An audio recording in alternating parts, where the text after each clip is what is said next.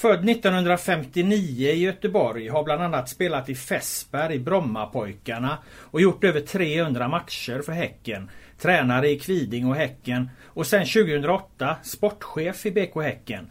Snart bara fem år kvar till pensionen. Hur känns det Sonny Karlsson? man tror, eh, vad är det man säger? När man hamnar på dödsidan. Det, det är det jag gör i år då. Är det inte det 60 det? För jag fyller ju 60 i år.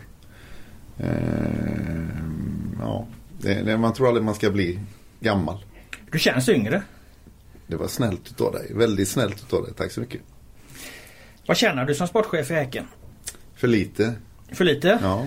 Han har du inte lyckats löneförhandla bättre än alla dessa år alltså. Jag tror att det är som eh, de spelarna som är i klubben eller som är, kommer från egna led och går i egna led hela tiden tycker alltid att de tjänar för lite. Jag tror att det är likadant med, med tränare och, och sportchefer. Man har alltid på något sätt en slags trofasthet som gör att man kanske inte trycker på lika hårt i, i löneförhandlingarna som andra gör som kommer utifrån. Har du några bonusar som sportchef? Nej. Inte på resultat och Nej. nå Europa och sådana saker? Nej. Där har du tips då för de andra sportcheferna jag har intervjuat. De får bonus om de går till Europa och, och om de skulle vinna Allsvenskan och sådana okay. grejer. Ja. Så det är tips inför sista, sista löneförhandlingen och innan pensionen. Ja, ja eh, man kan, det är jävla intressant det där med bonusar överhuvudtaget tycker jag. Ja. I och med att när Ja du vet att jag har varit i, jag kom 1980 från Fässberg hit så jag har varit här en jädra massa år. Eh, och sen var jag iväg en stund och så är då. Men när jag kom tillbaka och fick A-laget igen som tränare. Eh, jag tror det var 6 eller 7 eller någonting sånt, 2006-2007 det. Så fick spelarna en bonus på en miljon när man åkte ur allsvenskan 2006. Varför det? Ja, den var ju byggd på matcher. Hur många matcher man vann. Och då åkte man ju ur allsvenskan det året. Där, jag vet inte om det stämmer riktigt i årtalen där, men liksom, då åkte man ur allsvenskan. Då vet jag att det var en jädra diskussion här uppe om det här med eh, ja, med styrelse och annat då, men just det här med bonusar, hur man skulle bygga bonusar. För än så länge så är det jag har aldrig sett, jag har haft ett antal tillfällen längs vägen. Jag vet att vi mötte Örebro och jag vet att spelarna skulle få en miljon extra i bonus. Om vi vann. Och då fick vi stryk med 5-2. Eh, I år hade de också en ganska stor bonus om vi vann mot Norrköping i sista matchen. Och då fick vi också stryk. Så jag tror aldrig att, jag tror aldrig att de här bonusarna driver spelarna till eh, bättre prestationer. Det fungerar inte som drivkraftsmotor? Nej, inte den nivån i alla fall av, av pengar. Nu var det en miljon till varje spelare men liksom det är ändå ganska mycket pengar som, som det har handlat om de gångerna då. Så vi, har, vi har förändrat bonustänket och jag vet inte om, jag tror att alla, många klubbar har nog förändrat sitt bonustänk. En del har ju tagit bort bonusen. Är det något ni tänker göra, ta bort bonusen helt eller? Vi har funderat på det, ja. Hur hanterar du arbetsbelastningen? För den är hög för er sportchefer vet vi. Ja, men jag har nog eh, gått från 100 timmar i veckan till eh, väldigt mycket mindre än så. Hur har du lyckats med det? Ja, vi har vuxit. Förut så, jag vet att jag, den gamla ordföranden Lennart Karlsson hade ju en ganska kul historia där vi bar in Dominic Chattos gamla soffa, eller inte gamla soffa. Vi, vi, jag och han var faktiskt och bar in soffan i hans lägenhet och jag skötte ju lägenheten och möblerade upp dem och, och liksom såg till så att det fungerar och hämtade spelare och så liksom, vi har, vi har vuxit och blivit större så det är fler människor som gör sakerna idag än vad det var när vi när jag började som sportchef då för 10 eller 12 år sedan. Eller då fick du bära in möblerna när spelade? Ja, då vet jag att Lennart skrattade så sa han att eh, Tror att Bengt Madsen bär in sofforna i Malmö. Som var ordförande i Malmö då. Eh, ja, då flabbar vi åt det och det har vi redan haft med oss sen dess. Liksom. Vi hade fortfarande in sofforna. Han är inte ordförande längre, han är inte i klubben längre. Men han brukar skoja om det då. Att... Gick det problemfritt att bära in soffan till Chatto där eller? Nej. Vad hände? Ja, vi skrapade ett hörn så vi fick spackla väggen också där tror jag. Så att det, det blev mer arbete. Jag har en jävla bra historia. Kan du ta en bra historia? Ja, ja. ja. Chato hade en mjuk madrass. För mjuk madrass, för han fick ju ta den gamle lägenhetsinnehavarens madrass. Vi skulle köpa en ny madrass till honom. Så sa jag till en vaktmästaren att åka och köpa en eh, hårdare madrass på, ja, liksom på Mio då i och med att vi har samarbete med dem. Eh, och så gjorde han det. Och så ställde in den i den lägenheten en chatt har. Ja men bor han på första våningen där? Absolut han bor på första våningen där. På, på, liksom, på hissingen där då. Ehm, och så kom han till, tillbaka. Ja jag har gjort det. Och så frågade jag chatt och dagen efter då. Hur är madrassen? Är den bra eller? Nej men han har inte bytt madrass. Jo han har bytt madrass.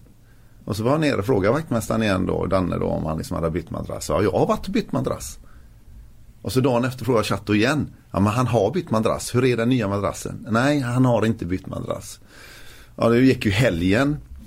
Och så gick jag till Danne och så sa vi får åka dit. För det, han har inte fått någon ny madrass. Då hade alltså Danne gått in i Svalen, säger man i Göteborg, men uppgången jämte. Eh, fel uppgång alltså. I fel uppgång. Satt in nyckeln i, i den dörren. Fått upp den dörren med våra nyckel gått in och bytt madrass i fel lägenhet. Och jag tänkte, vad fan, bara att komma in i fel lägenhet och göra det. För han, han berättade, ja, det var, jag tyckte det var lite konstigt för det stod massa whiskyflaskor och grejer i eh, och en jävla massa skor. Jag tänkte han var skofetischist eller någonting. Så liksom, jag tänkte det var lite konstigt så. Cigaretter låg framme också. Så jag tänkte fan röka ute i chatten. Och så tänkte jag, vad fan gör vi nu då? Okej, okay, så jag knackade på det men det var ingen hemma och så lämnade jag en lapp. Då ringde han mig, den här killen. Helt vansinnig. För han märkte att vi hade varit inne och bytt madrass. Och han kunde inte förstå varför någon hade bytt madrass. Så han har ringt försäkringsbolaget, snuten, alla möjliga. De bara flabbade åt honom. Det är den bättre madrassen än vad du hade innan. Absolut, det är klart bättre madrass än innan. Men det måste ju vara något fel. Det är ju någon som har liksom vill mig något ont. Det kanske är någon, de har doppat den i någon jävla, vad, vad fan vet jag ungefär va. Så han hade slängt ner den i källan och tagit in på hotell. Så vi fick lite extra kostnader där för hans hotellnätter och att han också hade köpt en ny egen madrass för den hade ju vi slängt. Så det var lägenhetshistorien det. Ja. vad, vad lärde du dig av detta? Ja, jag fick nog fortsätta göra det själv. Nej, nej då. Det, men det, var, det blev bara en rolig grej. Så. Du, det var, frågan gällde hur din arbetsbelastning såg ut. Den ja, med ja, Dominic Chattos madrass där. Men, ja. men vi kan konstatera att du har kunnat dra ner eh, ja, lite större. grann i och med att Häcken har växt då. Så du behöver ja. göra de här liksom småklubbsinsatserna eh, då när det gäller att bära in soffor och byta madrasser. Nej. Det är väl ungefär det du sa? Ja, även viss scoutingarbete som jag kanske såg hundra matcher om året i början på andra lag än våra egna lag. Så det gör jag inte heller idag. Mm. Så att det är klart att det har förändrats. Vi har vuxit. Större. Du ser ju själv, du ser, sitter, vi sitter ju i kontoret och du ser ju liksom hur det ser ut. Mm. Det är folk överallt. Har du något liv utanför fotbollen? Absolut, klart jag har det. Eh, familj med utflugna barn. Eh, det är väl det som är det största egentligen, tycker jag. Det, det här är ju skoj och det här är fantastiskt men det är ändå familjen som är det viktigaste. Så att, eh, och sen gillar jag att leka fortfarande. Eh, spelar paddel och vi börjar spela jävligt mycket som alla andra gör. Det är jädra, det är fruktansvärt roligt. Och golf. Så jag gillar att liksom leka med kompisarna fortfarande precis som jag alltid kan göra. Så får man ju flytta nivåerna på, jag kan ju inte spela boll längre. För då går ju någon vad eller någonting sånt då. Så det, det får ju bli de grejerna man klarar av. Under din tid som sportchef då så har ju Peter Gerhardsson varit tränare här och Micke Stare och nu Andreas Alm då. Vad är det med Häcken och anställa stockholmare? Ja just det. Eller i alla fall tränare som ja. har varit i Stockholm. Peter hittade jag ju faktiskt i Helsingborg då. Som assisterande där. Mm. Eh, eller nästan tredje assisterande. För det var en jädra ruljans i Helsingborg vid den tiden. Och då hade han ungdomslandslagen. Och då var jag akademitränare mm. i Häcken. Och då fick man följa med på landslagen, på ungdomslandslagen som liksom assisterande. Och då tyckte jag han hade något speciellt. Och det var därför det blev han. Så det hade nog inte med så jävla mycket med Stockholm att göra.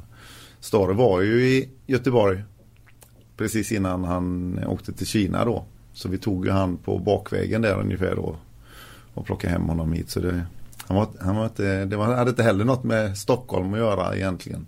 Eh, sen var det ganska logiskt tycker jag att vi tog Alm direkt efter eh, Micke. För med, Alm hade ju jobbat ihop med Micke och kunde då på något sätt, liksom, vad han hade gjort det kunde han anamma ganska snabbt och, och sätta sina värderingar och funderingar på hur vi skulle göra i framtiden. Så det, men det, ja, det, jag, jag har faktiskt inte tänkt på det. Men, det, Men finns det inga bra göteborgare som tränare då? eh, det finns det säkert. Vilka då? Eh, oj. eh, ja, jag är ju sportchef nu för tiden. Så att jag är ju inte kvar i den branschen. Nej, så den försvinner ju då. Ehm, ja, vad finns det för några? Ja, det är svårt det där. Det har inte kommit fram så mycket stora tränare från Göteborg på sista tiden. Vad kan det bero på? Ja, vad fan, Tänk det, på det. Ja, nej, jag har faktiskt inte funderat ett smack på det om jag ska vara riktigt ärlig. Men det, det är Roger Jössesson som var den sista stora då eller? Mm. Eller Svennis eller man var ute därifrån. Så att det är liksom, ja just det. Men det är många som har blivit ledare och många som har blivit tränare. Många av Häckengubbarna som jag känner liksom längs åren för Karlsson och Peter Friberg och ja, Micke Källström. Alla de här som har, de har blivit ledare efteråt. Väldigt många av dem har blivit ledare efteråt. Men det är kanske inte så många som har håller på på hög nivå idag. Vad har du för relation till Micke Stare idag då, som du nämnde där? Eh, vi har ingen relation idag. Nej, varför inte det?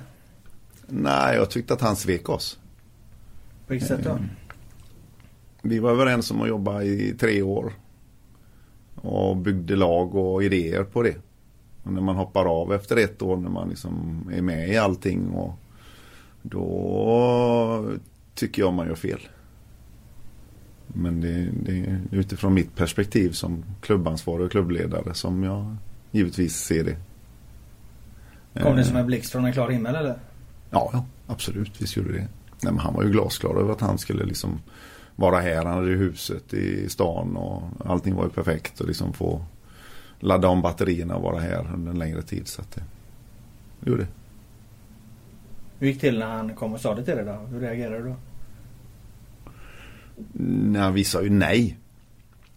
Men det visade sig att det fanns ju några kort att spela ut där. Eh, Det fanns någon sån här EU-dom eller något liknande som det går att spela ut. Eftersom vi aldrig har behövt skydda oss i avtal på det sättet då. Så var vi inte riktigt eh, medvetna. Kanske borde varit medvetna om det för liksom det var väl nästan så han gjorde i AIK också. Så att det, vi kanske borde ha, ha skrivit ett annat avtal. Idag skriver vi andra avtal. Men att köpa tränare eller någonting sånt hade ju inte de tänkt göra. Jo, de eh, slängde in en spottstyver där för att vara liksom schyssta och den sa vi till dem att de kunde behålla då. Vad heter de? Earthquakes eller något sånt där. Mm. Så den kunde de, det var mera moraliskt att vi liksom var emot själva grejen och att ska man då ta någon så får man fan betala för det i så fall. Men det var de inte villiga att göra. Och då har ni ingen relation eh, du och, och, och? Nej, jag tycker inte det. Jag, eh, jag är nog... Nej. Eh, Jag ska nog vara så pass ärlig och säga jag hoppas inte att han har släppt det tack vare att inte jag liksom öppnar den dörren då. Jag vill nog att det ska göra lite ont fortfarande. Att man känner att det var fel och det... Det ska han vara medveten om. Sen som jag går inte att tänka på det. Herregud. Det går ju vidare. Vi har spelat ett helt år sedan dess. Så liksom det... Livet går vidare. Vi får väl se. Man vet aldrig. Kanske tar han i hand någon gång till och med. Vad hände i våras då? När du blev förbannad på journalisten på GP där? Oj! Jävlar. Det var en längre historia. Vi, vi har varit väldigt besvikna över hur han har raljerat över våra spelare eh, som har varit tjocka och inte... Ja, han, han är mer, eh, hade mer liksom krönikörat över oss när vi var iväg och spelade. För han satt ju i Stockholm och gjorde, för, han gjorde allt för GP i Stockholm tror jag. Ehm, vi fick ta en hel del skit under några år tyckte vi allihop. Och hade faktiskt möte med GP och det till och med innan. Eh, men han gjorde ju aldrig det med Blåvitt för det vågar man inte göra för de har ju så jävla många supportrar som eh, hackar sönder det på nätet då i så fall. Men det, han tyckte nog att han kunde göra det med oss. Och efter den förlustmatchen där uppe så satt jag och läste hans text i, i pressrummet eller i, inför presskonferensen. Där han också sågade våran första match för året som vi vann mot Kalmar FF som GP redan skrivit om som en jävla bra match. Och då blev jag förbannad. Och då Eftersom inte han eh, hackar på Blåvitt på något sätt så blev det väl det, är du Blåvitt eller? Och så blev det en grej åt det då. Eh, Det var väl inte så bra, kanske. Är du självkritisk där? Jag vet inte. Ibland tycker jag det är gött att få säga till. Och sen kan man ju se efterspelet som att det blev, ja det var ju både på tv och i tidningar och en jävla massa hallå runt det. Men jag vet inte egentligen om jag ångrar mig. Eh, riktigt så för att fan jag tyckte han har varit stygg i media mot oss ganska länge. Och mm, varför skulle inte jag kunna vara stygg öppet tillbaka då? Det var ju det jag var. Jag ringde GP direkt efteråt. Jag, vet, jag gick ut i korridoren och sa nu har jag skitit i det blå skåpet. Så jag, för nu har jag gett mig... Du är lite självkritisk i alla fall. Jo, jo, jag fattar ju att jag hade liksom gjort det. Och så sa, och då sa, jag vet att de sa att ja, vi har tittat på texten, den var inget bra, sa de, vi har redan ändrat den. Så den texten han skrev kom ju aldrig ut egentligen då. Så att, eh, men vi har pratat med varandra så att jag är inte, jag är inte förbannad på honom idag. Men jag, jag kan nog bli jävligt förbannad när man det liksom blir ju som ens eget barn. Man skyddar ju, man, jag skyddar BK Häcken. Pissar du på oss så pissar jag på dig ungefär. Liksom. Det, det var väl så det blev. Är du Blåvitt skrek du åt honom Ja. Det gjorde jag. Du har inte sökt sportchefsjobbet i Blåvitt va? Nej. De vill nog inte ha en 60-åring på plats där. Men hur är det att gå in i en säsong där Häcken ju ses på förhand då som ett topplag och IFK Göteborg mer liksom som ett eh, eh bottenlag. Där eh, är Häcken odiskutabelt är i kapp och förbi både sportsligt och, och ekonomiskt och där Häcken någonstans liksom är etta i stan och, och, och Blåvitt tvåa. Det, inför den här säsongen är det inget snack om att styrkeförhållandena är helt förändrade. Ja, alltså just nu ser det ut så. Mm. Det är jävligt konstigt. Eh, jag är ju från Göteborg så det är klart att jag har ju upplevt den här hierarkin under alla år så att det är ju ett jädra steg vi har tagit egentligen. Ja, de med då kanske. Men, men liksom, det är ett jädra steg vi har tagit att vi kan vara där vi är. Det tycker jag är fantastiskt bra gjort av oss. Jag måste alla, ge alla beröm som jobbar i hela föreningen faktiskt för att vi har liksom vi har tagit oss dit. Det är en jävla väg att gå. Och det, den är inte slut än för det, vi har mycket kvar att göra men vi, vi blir bättre på alla områden hela tiden. Kommer ni gå om publikt också tror du? Det, det där är ju en generationsfråga. Den där är ju jädrigt svår. Det är ju den svåraste frågan vi har. Så jag vet att, det var inte vi som gjorde undersökningen. Jag vet att Gais gjorde en undersökning för några år sedan. Och det var eh, Ja, det, det är väl ganska många år sedan, fem år sedan. Något sånt. Då låg Blå på 69 procent utav stan. Och ÖIS och Gais hade väl runt 10-11 någonting sånt. Då.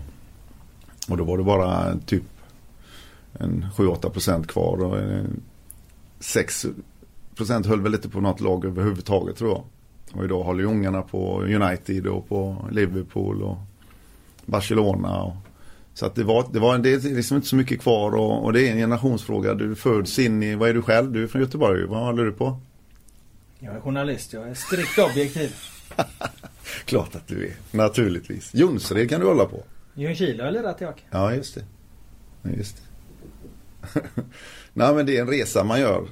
Eh, det vi kan vara glada över är väl att vi är ett av de lagen som gick fram i publikmässigt för, i år då. Mm. Eh, och de små stegen räknar vi också hela tiden. Men jag, man kan bli lite förvånad ibland. Jag tycker ju att vi har spelat Jag vet att när eh, När jag var tränare och när jag kanske inte var sportchef i Häcken på den tiden när Erik Hamrén hade ÖIS. Jag var alltid tittat på dem för jag tyckte de spelade jävligt bra fotboll, hade bra spelare. Då går man ju på bra fotboll. Vi har spelat jädrigt bra fotboll under väldigt många år och haft det till och med i, ja, i liksom handlingsplan och målsättningar och allt vad vi har haft. Där. Liksom, vi måste spela en bra fotboll för att locka publik. För att bli ett lag som kan liksom ta några steg på den sidan då. Jag kan vara förvånad över att inte fler göteborgare varit, och, Eh, varit på hissingsidan och liksom tittat på oss lite då och då. För vi har verkligen spelat bra fotboll. Nästan lite naivt bra fotboll ibland men, det, men vi har ändå gjort det har gjort en jädra massa mål och fått fram, är det fyra skyttekungar? Kunde fan ha haft sex för det var några som gick sönder längs vägen det som ledde skytteligan. Håller du med eh, Irandus där som han sa på januariturnén att eh, ingen Blåvitt-spelare platsat i Häckens startelva? Det var nog ett lösryckt citat där som han fick eh, försvara sig emot tror jag. Lite grann så det finns spelare i IFK som är jätteduktiga. Så det, Det finns säkert någon som hade platsat i Häcken. Men skulle du värva då?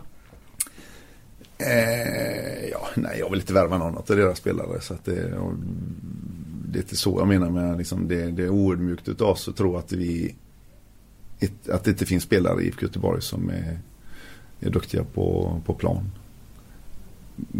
Dithän skulle jag nog inte sträcka mig. Men att vi även där, det han säger är ju egentligen så är det som också i den här texten om jag läste den rätt att att många killar eh, har valt att titta på BK Häcken istället för att titta på IFK Göteborg för att man har sett att här går det att ta sig fram. Nu hamnar de i det läget. Alltså, de kommer hamna där nu. De tvingas ju till det med sin ekonomi att de eh, måste ta fler unga i A-truppen än vad de har gjort innan och då kommer några av dem att slå igenom och lyckas. Så att det blir ju så.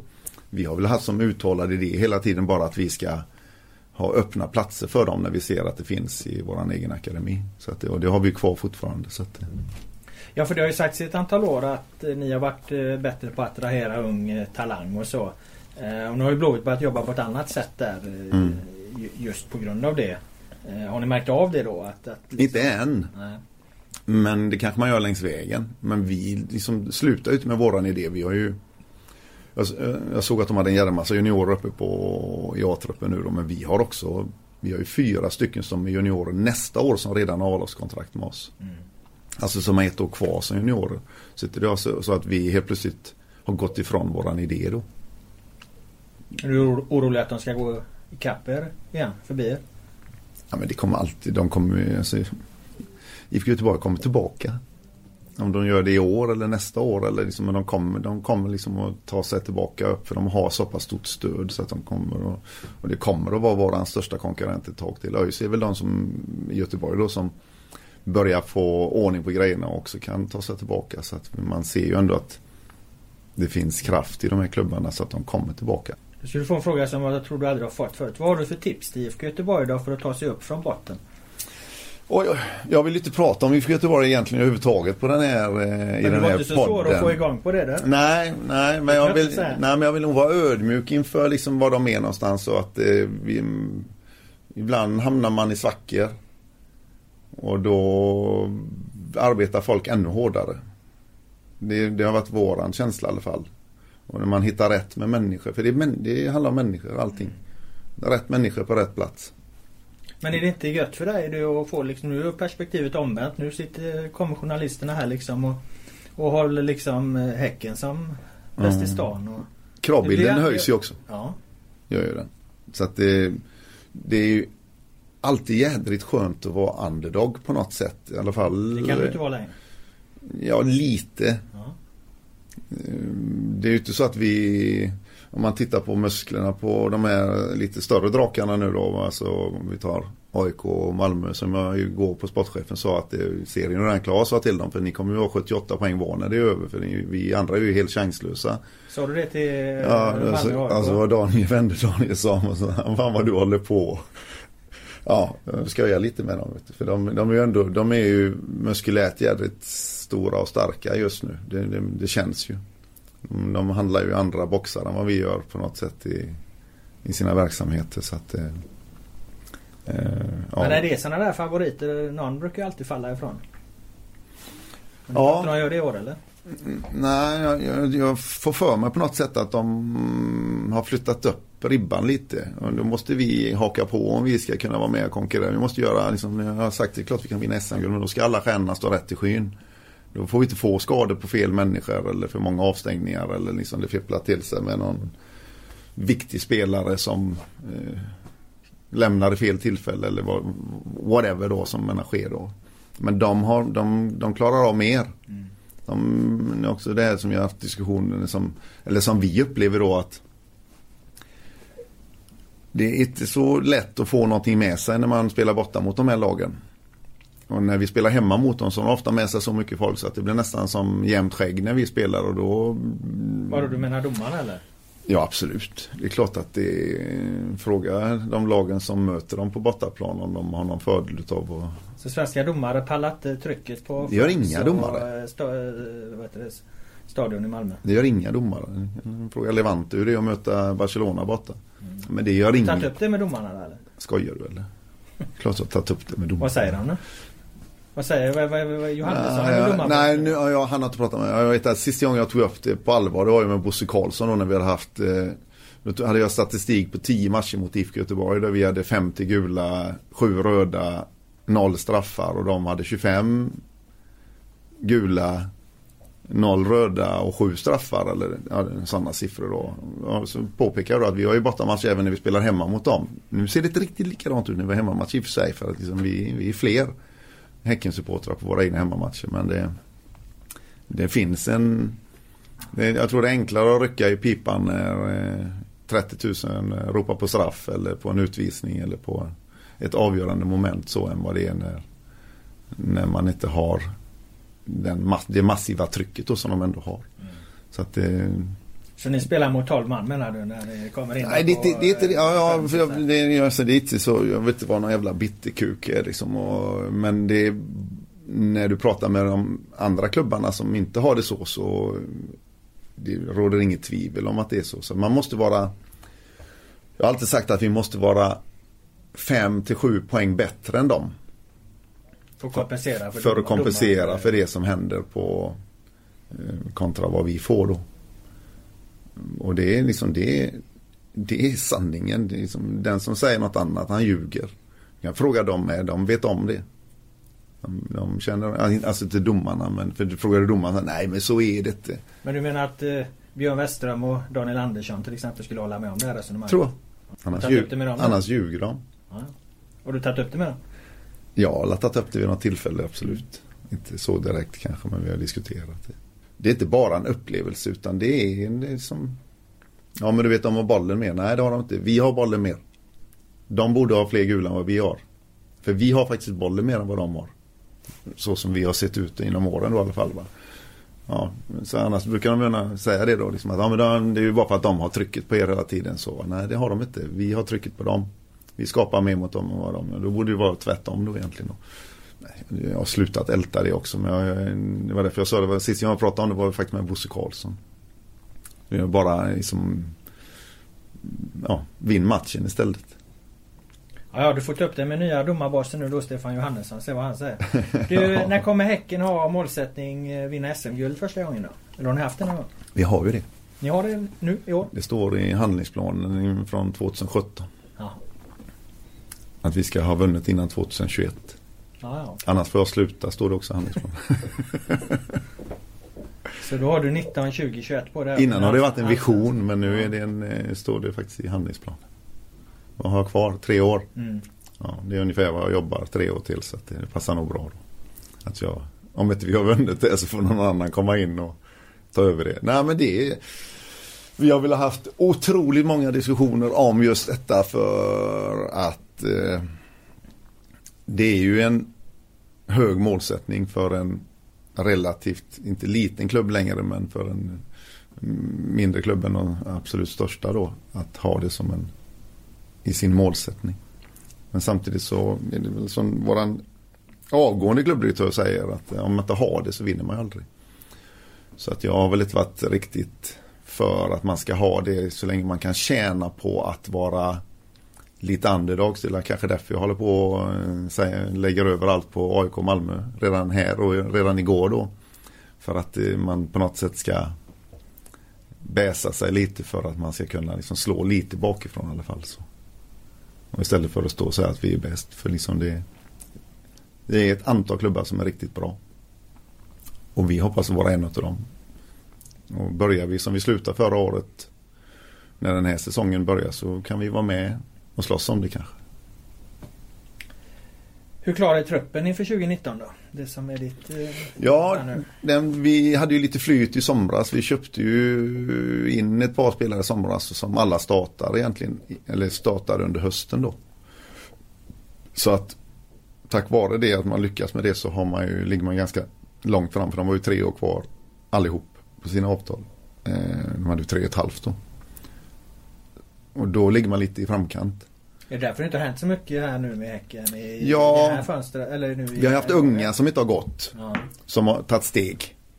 Eh, Dalla var ju med i landslaget nu, Adam var med i landslaget, Jeremejeff kom tillbaka från Malmö i somras och han är en av de spelarna. Så vi har ju haft, vi har ju unga som har tagit, tagit sig framåt.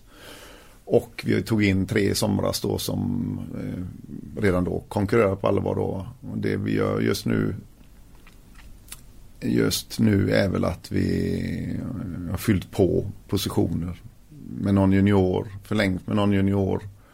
Eh, Sverresson från Mjällby tog vi in som vänsterbacksalternativ där då. I och med att vi har tre bra så vågar vi gambla med att ta in en som kanske inte varit uppe hela vägen då. För han såg bra ut. Eh, vi har letat efter en centerkonkurrent till Jeremejeff. Eh, det letar du fortfarande efter? Nej, vi har signat den. Faktiskt. Men den har jag signat för en månad sedan. Och det är inte riktigt framme än. Vadå framme? Jag har fattat ett visum. Jaha, du har gjort klart med en spelare mm. men han är inte här för han, Nej. vad heter han då? Det släpper jag inte än. Det kan ju fippla till sig längs vägen. Så, att, så jag, jag, jag har hållit det ett tag. Vad är det för land då? Ja, det är ett eh, land som behöver visum. Ja, det finns land där. Ja, men du måste nog till Afrika framförallt då. Mm. Ja, så att det är en afrikan. Ålder? Nej men nu, det, dit, dit kom du med det. Ja. Så att vi har signat en spelare så vi Spelar hoppas att... Vi, ja det är ju en center. Ja, är det en ja, det är, stor eller ja, snabb? Eller ja, det är en stor. En väldigt lik Jeremejeff. Man, kan man diskutera sen när man pratar om den här spelaren. När man, ska ta en spel, när man har en spelare som Alexander som gör så mycket mål som han nu gjorde under hösten då. Och man ska försöka få, eftersom vi spelar med en forward oftast. Eh, och du ska ta in en konkurrentforward. Så får du rätt så många nej på de som känner till oss. Eller rätt så många. Men liksom man får liksom, nej men jag är lite tveksam till det. Jag vill nog göra något annat istället. Ni och Alex, jag tycker han är bra. Då får inte jag spela. Då får man liksom leta utanför boxen och hitta någonting som inte bryr sig om att Alex finns det. Men vad är det som krånglar med visumet om du håller på en månad?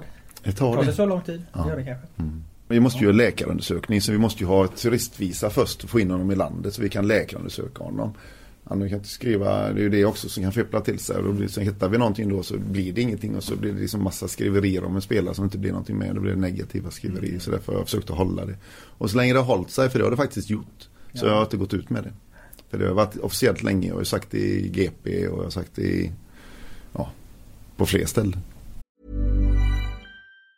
Mom deserves the best and there's no better place to shop for Mother's Day than Whole Foods Market. They're your destination for unbeatable savings. From premium gifts to show-stopping flowers and irresistible desserts. Start by saving 33% with Prime on all body care and candles. Then get a 15-stem bunch of tulips for just $9.99 each with Prime. Round out Mom's menu with festive rosé, irresistible berry chantilly cake, and more special treats. Come celebrate Mother's Day at Whole Foods Market. Jag fick en fråga av en supporter till er via sociala medier där. Hur många spetsvärvningar du anser att ni behöver göra för att verkligen utmana Malmö, AIK och Norrköping? Alltså mm. slåss topp tre istället för att slåss kanske 4-6. Är ni där redan eller? Ja det handlar lite grann om Paulinho. Mm. Och den är forwarden då. För vi behövde ha en, eftersom vi släppte Crespo i somras. Vi fick ju ingen bra utdelning på Crespo tycker jag. Så mm, har vi letat en ny forward sedan dess. Och hittar vi en bra forward som kan, verkligen kan konkurrera om Alice går sönder och så vidare. Vi klarar inte av att vara nakna utan honom. Har vi Palle kvar kan vi skicka upp honom ungefär va. Mm. Så det handlar lite grann om Paulinho. Om ni får behålla honom då? Ja. Men det tror du inte det är riktigt ni får eller? Ja, jag vet faktiskt inte idag.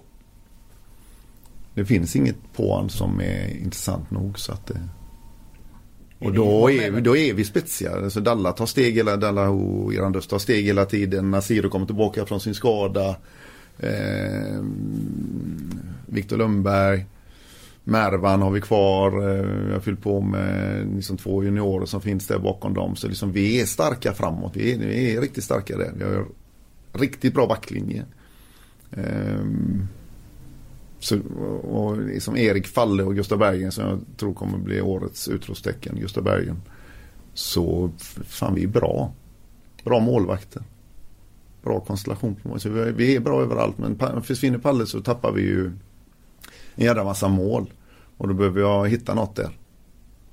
Eftersom det, ja, men någon som gör så mycket mål, man hittar liksom bara till det. Så att, eh, och sen kanske vi spetsvärvar ändå om vi kan. Mm. Innan han försvinner. Det kan vi göra. Ja för du pratade med Yashin va? Sa ju han i GP igår här. Jag kommenterar ju inte spelare in eller Ja ut. men det är ju dumt nu när han har sagt att du pratar med honom. Ja men jag pratar med honom hela tiden. Ja, ja. Så jag pratar med Yashin, ja. Mm. ja. Men jag kanske inte pratar om att han ska vara i BK Häcken.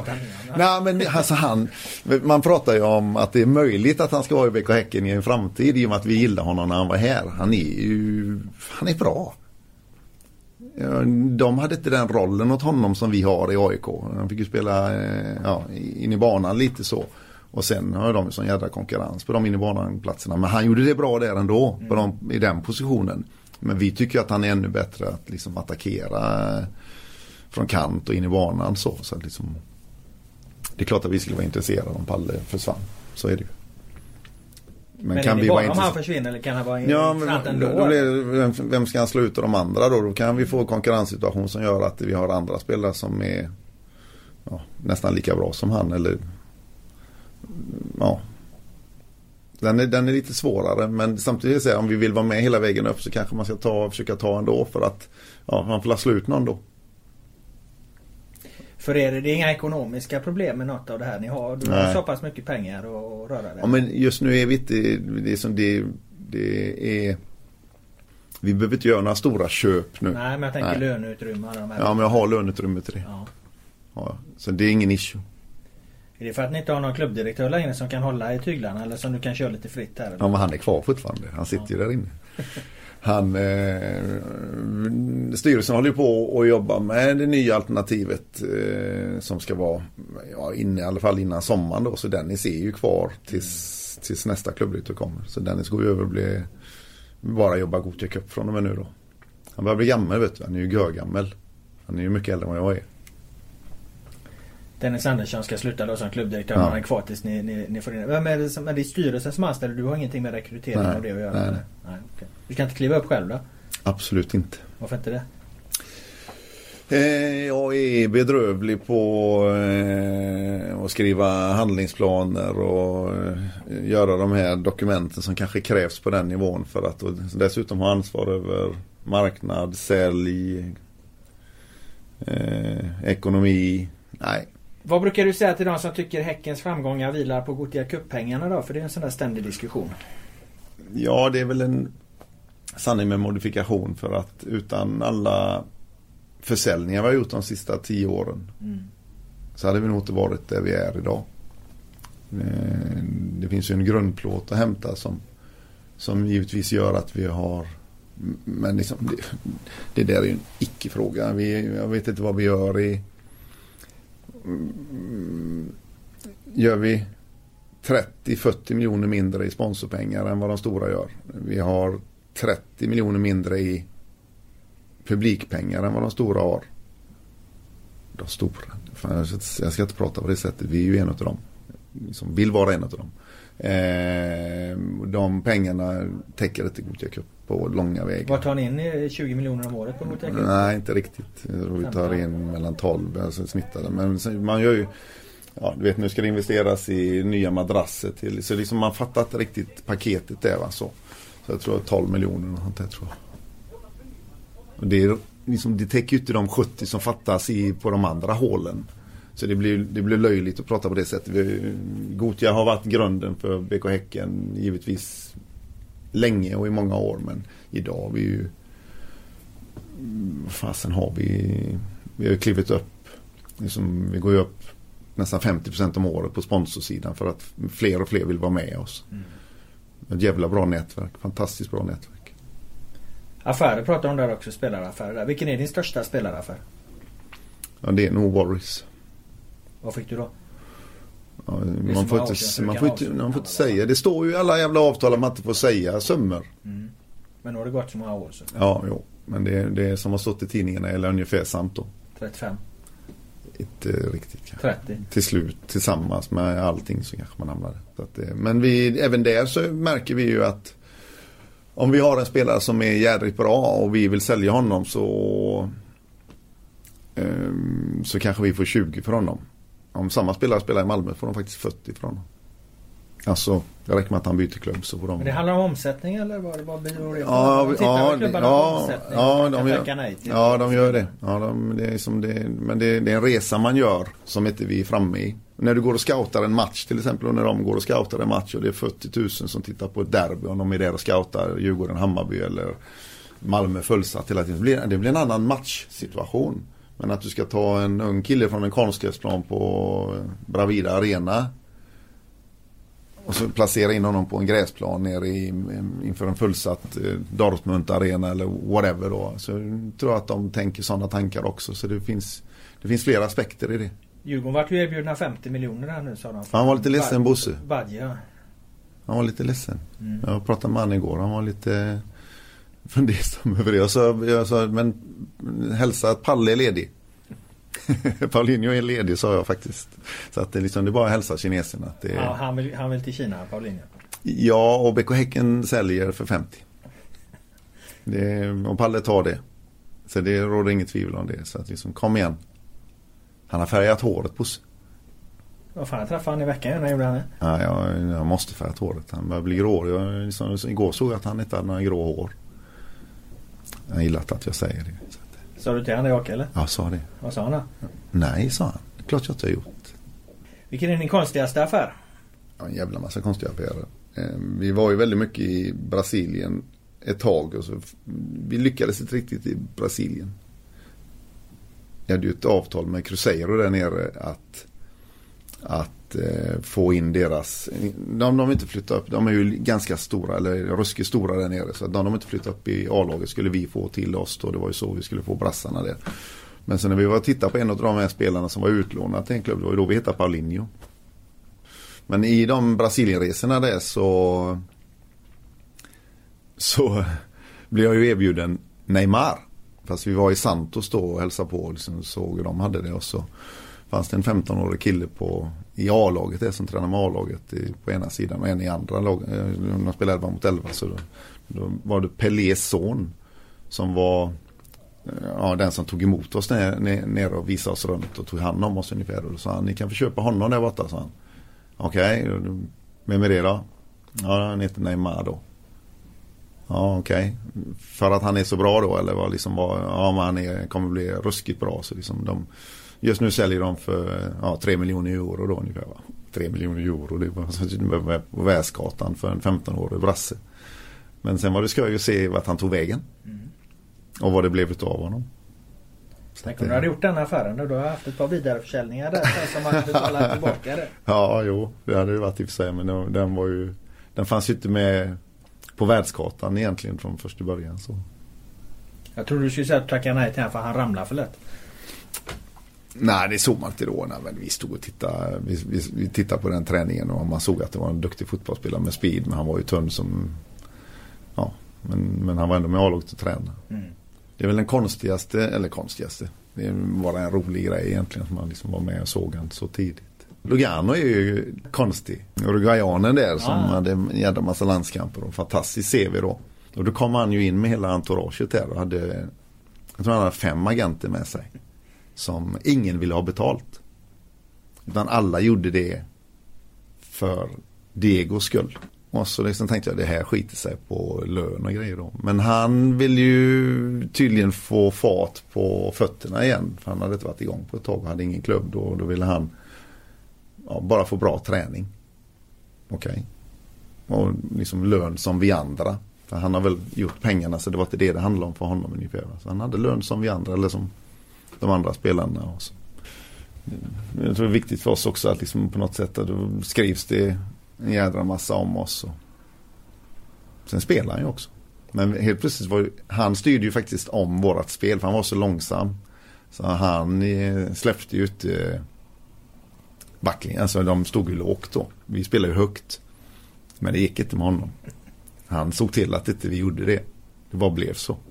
Vem hade ni som tränare då? Peter Gerhardsson. Vad är det alltså? Det var lite, eh, liksom, Gerhardsson var inte riktigt nöjd med liksom, hur, han, eh, hur han spelade.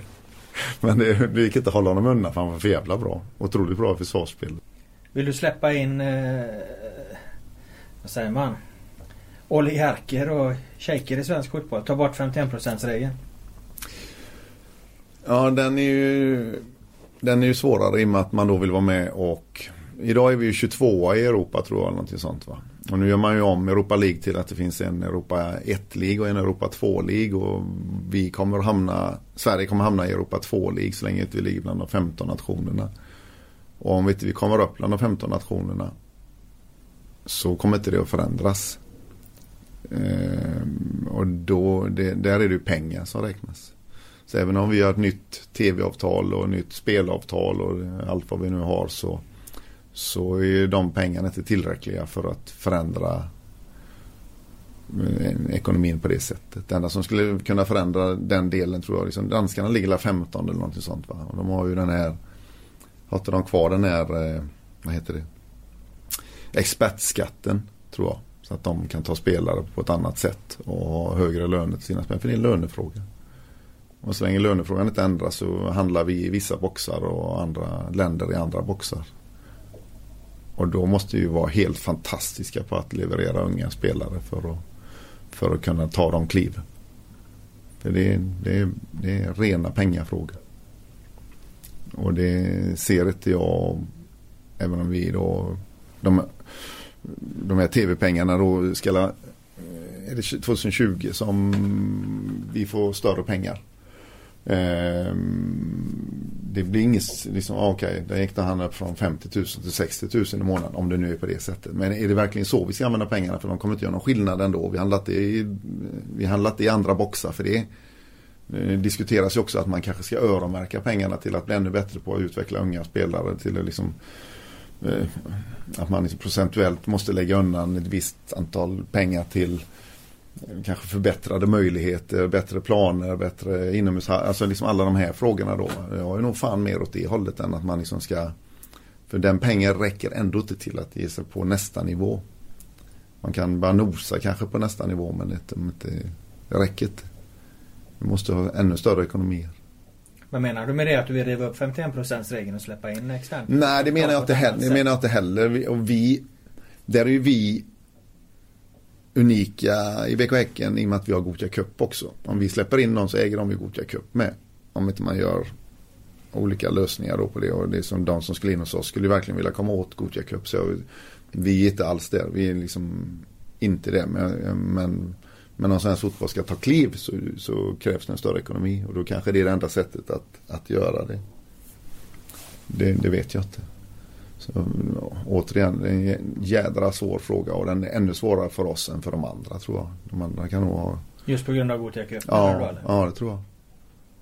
Det tror jag ju. Om det kommer in något företag och vill driva det på ett annorlunda sätt och den faller så liksom eller, eller plocka loss den och äga, äga liksom äga frågan, alltså ha rätt till att liksom flytta och göra vad de vill med den genom att vi får in en, en ny styrelse då som förmodligen är ja, fyra tre styrelser då med fyra personer som är från det företaget eller oligarkens gubbar eller vad det nu må vara. Så är den lurig för mycket Vilken är din största motgång i livet? Fotboll är lättare att prata om det. Alltså det är ju det är personliga frågor. Eh, man, alla upplever ju liksom, jag är ju sån här asfaltsunge eller vad säger man. Eh, maskrosbarn med liksom hyfsade tuffa uppväxtförhållanden. I, vet när jag när jag föddes så bodde vi i etta med, inte kokvrå men liksom, ja, etta med litet kök då. Och dass på på sval, eh, i, i trappuppgången som man delar med andra. Eh, grannhuset hade dass på gården fortfarande. Så liksom, jag, jag liksom jag har nog blivit en fighter. För att jag har den uppväxten jag har. Och liksom bra mamma men en kass pappa ungefär va. Eh, så det är väl, men samtidigt har jag ingen, jag har liksom största motgång. Det har inte blivit någon motgång. Det har mera blivit en, en, ett, ett liksom bra, en bra uppväxt. Där jag liksom fick ta för mig motgångar har alla i livet så liksom, men jag har inte haft några större större motgångar. Så när jag, när jag var på väg att bli inomhusproffs i USA en gång i tiden så om man pratar fotbollsfrågor så fick jag ju en ledsjukdom. Som jag då tyckte var min största motgång. För det liksom, det var, den var ju vägen för, för vi, vi vann ju inomhusallsvenskan en gång i tiden på rink om du kommer ihåg att det fanns. Eh, Nej, du är alldeles för ung för det. Ja, vi var ju bäst i Sverige där. Vi blev inbjudna till USA och vi var ju där och spelade. Gjorde det jävligt bra. Vi var bra som fan inomhus. Vi, eh, och då blev ju tre man erbjudna kontrakt där. Och jag var en av de som blev erbjuden kontrakt då i USA. Så när jag kom hem sen då, vi spelade hemma sen då, så blev det, liksom, blev det verklighet då. Att eh, ja, de ville signa mig i, i Sia, utanför Seattle, Seattle där då. Men när jag skulle åka så låg jag på Sahlgrenska. Med ja, en sjukdom som heter, den kallas för Bechterew. Någon ledsjukdom då som inte jag då visste vad den skulle ta vägen. Då låg jag ju på reumatologavdelningen och såg de andra som låg där. De var ute, det var fan inget roligt. Eh, och de tvingade dit mig. För de trodde jag skojade eller ljög för dem. Så de tvingade över mig. Eh, för allting var ju klart att jag skulle åka. Så de tvingade faktiskt över mig. Och jag ringde och sa det. Jag ligger på sjukhuset. Så liksom det är stenkört. Jag kan liksom inte gå. Ja, ja, ja. Men det, det, vi har egna läkare som ska titta på det då. Så de tvingade över mig. Där var minneskortet tyvärr fullt. Men jag kan berätta att det blev inget proffskontrakt för Sonny. Däremot stannade han kvar i Staterna i tre månader och levde det goda livet innan han reste tillbaka till Sverige igen där han fick leva på potatisvatten och vegetarisk kost i tio år innan sjukdomsbekymren försvann. Idag är han i princip helt symptomfri och jag tackar honom för ett intressant samtal. Vi är tillbaka med fler intervjuer här under den allsvenska försäsongen. Tack så mycket för att ni lyssnade.